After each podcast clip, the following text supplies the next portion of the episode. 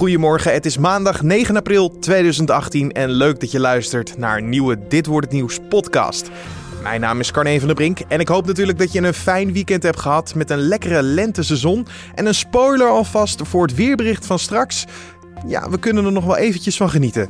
We gaan het natuurlijk vandaag hebben over wat er in de nacht gebeurd is en wat er vandaag gaat gebeuren. Bijvoorbeeld aandacht gaan we vandaag besteden aan de rechtszaak van Bill Cosby.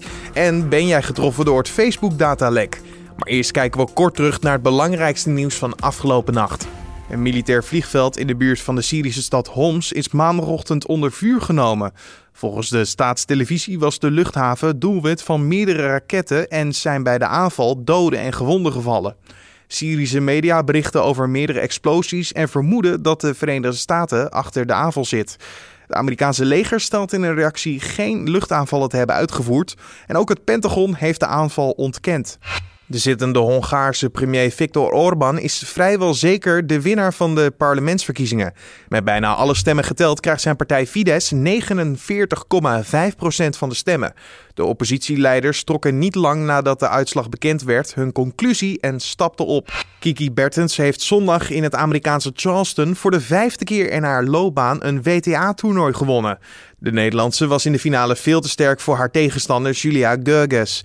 De partij duurde in totaal slechts 58 minuten met een 6-2 en 6-1. In de woning van de dader van de aanslag die zaterdag plaatsvond in Münster is een brief gevonden waaruit op te maken valt dat de man zelfmoord wilde plegen. In de 18 pagina's tellende brief beklaagt de 48-jarige dader zich over het feit dat er iets is misgegaan met hem. De schuld geeft hij aan zijn ouders en artsen. Maar ook schrijft hij over schulden, zenuwzinkingen en het begin van suïcidale gedachten. Zo melden Duitse media zondagavond. En dan kijken we naar het nieuws van vandaag. Oftewel, dit wordt het nieuws. De rechtszaak tegen komiek Bill Cosby gaat vandaag weer van start. De 80-jarige Cosby wordt door meerdere vrouwen beschuldigd van aanranding en zelfs verkrachting. Vorig jaar was de zaak ook al begonnen, maar de zaak liep toen stuk omdat de jury het toen niet eens kon worden over een uitspraak. Vandaag gaat dus een nieuwe jury het proberen. En of er nog nieuwe ontwikkelingen in de zaak zijn, dat vroegen wij aan onze entertainment-collega Lara Zevenberg. Ja, is misschien goed om eerst even te vertellen om welke zaak dit eigenlijk gaat. Uh, want er zijn nogal wat vrouwen die uh, Bill Cosby betichten van uh, seksueel misbruik. Uh, in dit geval gaat het om Andrea Constant, een, uh, een basketbalster waar hij in 2002 veel mee werkte. Zij zegt hem gezien te hebben als een soort van mentor. Um, totdat hij haar uh, kalmeringspillen pillen gaf zonder dat zij het doorhad. En haar vervolgens seksueel misbruikte. daar heeft ze destijds heeft ze daar geen melding van gemaakt. Pas in 2005 heeft ze daar, daar een, een aanklacht voor ingediend bij de politie. en nog veel later pas kwam dat tot een, tot een rechtszaak. Want heeft in eerste instantie heeft ze met hem en zijn advocaten zijn ze tot een soort van compromis gekomen. Van nou, als jij niks zegt, dan krijg je geld en zo verder. Maar nu zijn ze dus naar de rechtszaal. Dus niet de eerste keer, het is de tweede keer. Uh, want in uh, 2017 kwam de jury er niet uit. En dus, uh, dus moeten ze nu opnieuw beginnen. Ja. Uh, die zaak is dit keer een beetje anders. Um, want zoals je zegt, nou, er zijn wat nieuwe dingen. Um, anders dan vorige keer mag Bill Cosby een getuige uh, laat, laten oproepen die zou kunnen zeggen dat Andrea Constant in het verleden heeft gezegd van uh, weet, je wat je, weet je wat je moet doen? Uh, je moet uh, iemand betichten van seksueel misbruik, want daar verdien je makkelijk geld mee.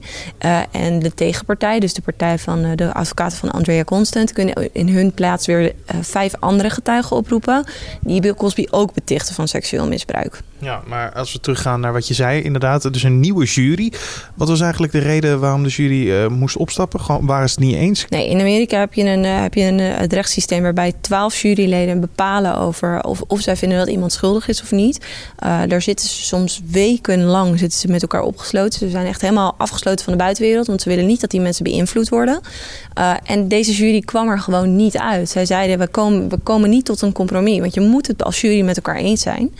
Uh, en dat, daar kwamen ze niet uit. Nee, het is ook wel een beslissing die je natuurlijk moet maken. Dus als je daarover eens bent, dat zou altijd wel een mooie kant zijn van de zaak. Uh, we kijken nu dan wel naar de vele aanklachten jegens het adres van Cosby. Alleen hoe zal het proces dus in de verdere komende nou, dagen, maand eruit gaan zien, denk je? Nou, dat is nog niet helemaal duidelijk natuurlijk. Ik bedoel, als je kijkt naar de vorige keer, dan, uh, dan er komt een punt, dan wordt Cosby opgeroepen. Er komt een punt, dan wordt Andrea Constant opgeroepen. Maar op dit moment, het kan ruim een maand gaan duren. Dus maandag beginnen we. En dan wordt de zaak voorgeleid en dan wordt duidelijk van oké, waar wordt hij eigenlijk van beticht? En van daaruit gaat dat proces verder. Nou ja, onder andere die vijf andere vrouwen die hem beschuldigen van seksueel misbruik zullen daar een keer terechtkomen. Uh, daar zit onder andere model Janice Dickinson bij. Dus dat zal ook nog wel voor heel veel media-aandacht zorgen. Ja, wanneer dat precies is afgelopen en wat er precies per dag wordt behandeld, dat weten we nog niet helemaal. Nee, maar het is ook zo dat dit niet de enige aanklacht is tegens Cosby, wat ik al eerder zei. Um, is dit ook, deze rechtszaak, dan het begin van alle um, rechtszaken tegen Cosby? Of is dit ook eigenlijk al het einde? Nou ja, op de achtergrond lopen er gewoon al een hele tijd wat dingen. Um, dat is nog nooit echt tot een rechter gekomen. Um, maar het zal hierna wel nog harder gaan lopen, waarschijnlijk. Dat weet je niet helemaal zeker. Want het zou ook nog kunnen dat die mensen zeggen van... nou, ik trek toch maar aanklacht in. Of dat gebeurt gewoon wel eens. Maar dit is wel een, een begin. Ja, ja, en hij is ook niet meer op een hele jonge leeftijd. Daar moet je ook rekening mee houden op een gegeven moment. Nee, hij is 80 en dat zal misschien ook wel van invloed zijn geweest op de jury, uh, op de vorige jury. Van ja, we weten het niet. Want ja, je, je, je stuurt wel een vrij oude man de gevangenis in als dat gebeurt. En uh, ja, het is natuurlijk ook een icoon hè, voor veel mensen. Het is, dus voor veel mensen gaat het terug naar hun jeugd. Dus dat, daar kan een, recht, kan een uh, jury ook nog door beïnvloed worden. Je hoorde nu.nl-redacteur Lara Zevenberg. Een tijdje geleden kwam het nieuws naar buiten dat wereldwijd 87 miljoen mensen getroffen zijn door een datalek bij Facebook. Waaronder 90.000 Nederlanders bleek vorige week. Twee belangrijke spelers hierin is het databedrijf Cambridge Analytica en de app This is Your Digital Life. Om te zien of jij getroffen bent in deze lek, komt er vandaag een toeltje bovenaan je Facebook tijdlijn, waarmee gecontroleerd kan worden of jij slachtoffer bent geworden van deze datalek en dus bij die 90.000 Nederlanders hoort. Om het hele verhaal en de ontwikkeling van vandaag duidelijk te krijgen, spraken wij met NuTech-collega Stan Hulsen. Ja, dit verhaal speelt eigenlijk veel langer dan de afgelopen weken. Een aantal jaar geleden was er een onderzoeker die een Facebook-app heeft uitgebracht waarmee mensen een soort persoonlijkheidstest konden invullen. Mensen vulden dus die test in en gaven daarmee informatie over hun eigen profiel aan die onderzoeker voor wetenschappelijk onderzoek. Maar wat er gebeurde is dat die app niet alleen gegevens van die gebruiker verzamelde, maar ook van de vrienden van die gebruiker, zonder dat zij daar expliciete toestemming voor hebben gegeven. Die onderzoeker heeft vervolgens die gegevens doorgespeeld aan Cambridge Analytica, die dat voor commerciële doeleinden ook heeft gebruikt. Ja, en dat mag niet. Want de gegevens werden eigenlijk verzameld voor wetenschappelijk gebruik. Ja, de app uh, This is Your Digital Life, inderdaad. Vorige week heeft Facebook gezegd dat er maximaal 87 miljoen profielen wereldwijd mogelijk betrokken zijn geraakt bij dit, uh, bij dit incident. En dat betekent dat dus maximaal 87 miljoen profielen bij Cambridge Analytica terecht zijn gekomen. Dat bedrijf zelf zegt echter nee, uh, dat getal klopt niet. Wij hebben maar van 30 miljoen profielen gebruik gemaakt. Die hebben van die onderzoeker overgenomen. In Nederland gaat het volgens Facebook om maximaal 90.000 profielen. En met die tool die dus vandaag online komt, kunnen mensen kijken of zij door dit incident zijn getroffen en of hun data dus bij Cambridge Analytica terecht is gekomen. als we kijken dan naar het datalek en wat er uiteindelijk uitgekomen is, wat is er precies buiten gemaakt? Ja, dat is dus nog niet helemaal duidelijk. De klokkenluider die dit aan het licht heeft gebracht, die, die zegt dat die app Facebook profielen verzamelde. Maar wat een profiel inhoudt, dat verschilt natuurlijk per gebruiker naarmate van hoe die dat profiel zelf heeft ingevuld. Je moet je wel natuurlijk realiseren, Facebook is een advertentiebedrijf. Dat bedrijf probeert op zoveel mogelijk manieren zoveel mogelijk over jou te weten te komen. Met het idee erachter dat hoe meer zij over jou weten, hoe gerichter zij dus advertenties van andere bedrijven aan jou kunnen laten zien. Daarvoor is het bedrijf dus ook afhankelijk van zijn gebruikers en de mate waarin zij hun eigen profiel invullen. En dan kijk je natuurlijk naar vandaag. Vandaag is dus de dag dat Facebook een tool gaat publiceren waarop mensen kunnen zien ja, of ze betrokken zijn geraakt bij deze datalek. Um, weet je hoe dat ongeveer uit gaat zien? En op de voorpagina, hoe, hoe komt dat eruit te zien? Ja, mensen die vanaf vandaag inloggen op Facebook zien bovenaan op hun tijdlijn een, een melding staan uh, waarin gebruikers uh, door kunnen klikken naar een pagina waarop zij te zien krijgen of zij uh, door dit datalek zijn getroffen. Facebook stelt die tool maandag beschikbaar, zeggen zij, maar dat is natuurlijk wel de Amerikaanse tijd in, in San Francisco. In de praktijk kan het dus betekenen dat die tool in Nederland pas in de avond of misschien in de, in de loop van de nacht beschikbaar wordt. Facebook-gebruikers die op die knop klikken, die krijgen vervolgens te zien of zij inderdaad bij die groep van 90.000 Nederlandse slachtoffers horen, waarvan de data vermoedelijk bij Cambridge Analytica terecht is gekomen. Het is natuurlijk wel een bizar verhaal dat je data mogelijk met andere doeleinden is gebruikt. Dus mensen krijgen misschien een heel ander beeld van hun Facebook-gebruik, van hun data die is gedeeld. Is er ook een, optie dat je dat ook kan afschermen? Uh, kan dat via die route? Heb je daar tips of een manier voor? Facebook komt vandaag ook met een overzicht van apps waarmee jij jouw persoonlijke Facebook-profiel hebt gedeeld. Dus je ziet dus uh, met welke apps je bijvoorbeeld met Facebook bent ingelogd uh, en ook toegang heeft tot jouw gegevens. En ze komen daarbij ook met een hele makkelijke manier, zeggen zij, om die toestemming in te trekken. Dus door, eigenlijk door die app te verwijderen uit jouw Facebook-profiel. Ja, daarmee zorg je er uiteindelijk voor dat die specifieke app geen toegang meer heeft tot jouw Facebook-profiel. Maar je moet natuurlijk, zoals ik net zei, ook wel blijven realiseren dat Facebook een advertentiebedrijf is.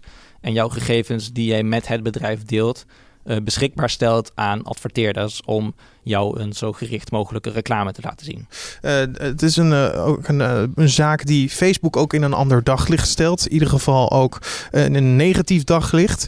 Ehm, bij dit soort zaken heb je ook natuurlijk te maken met dat er vraagtekens gezet wordt bij sommige posities. Mogelijk dus ook bij de positie van Mark Zuckerberg als de directeur van Facebook natuurlijk. denk je dat zijn positie nog ja, bespreekbaar zal worden? Ik denk het niet, omdat stel dat Mark Zuckerberg zegt dat hij opstapt bijvoorbeeld, dat hij daarmee eigenlijk zegt dat hij deze kwestie zo fout heeft aangepakt dat hij het zelf niet meer kan herstellen. Uh, na de presidentsverkiezingen in de Verenigde Staten zijn natuurlijk al een aantal problemen bij Facebook aan de orde gekomen en Mark Zuckerberg heeft begin dit jaar ook als doelstelling opgesteld van dit jaar wil ik Facebook fixen. Wil ik Facebook weer, weer herstellen eigenlijk van al die problemen die uh, veroorzaakt zijn. En als Mark Zuckerberg opstapt, ja, dat zegt hij dus eigenlijk, ja, Facebook is, is niet te fixen. Dit, en dat, ik denk dat het bedrijf daarmee eigenlijk zoveel gezichtsverlies leidt dat ze dat gewoon niet willen riskeren. Aanstaande woensdag, 11 april, getuigt Mark Zuckerberg ook voor het Amerikaanse congres.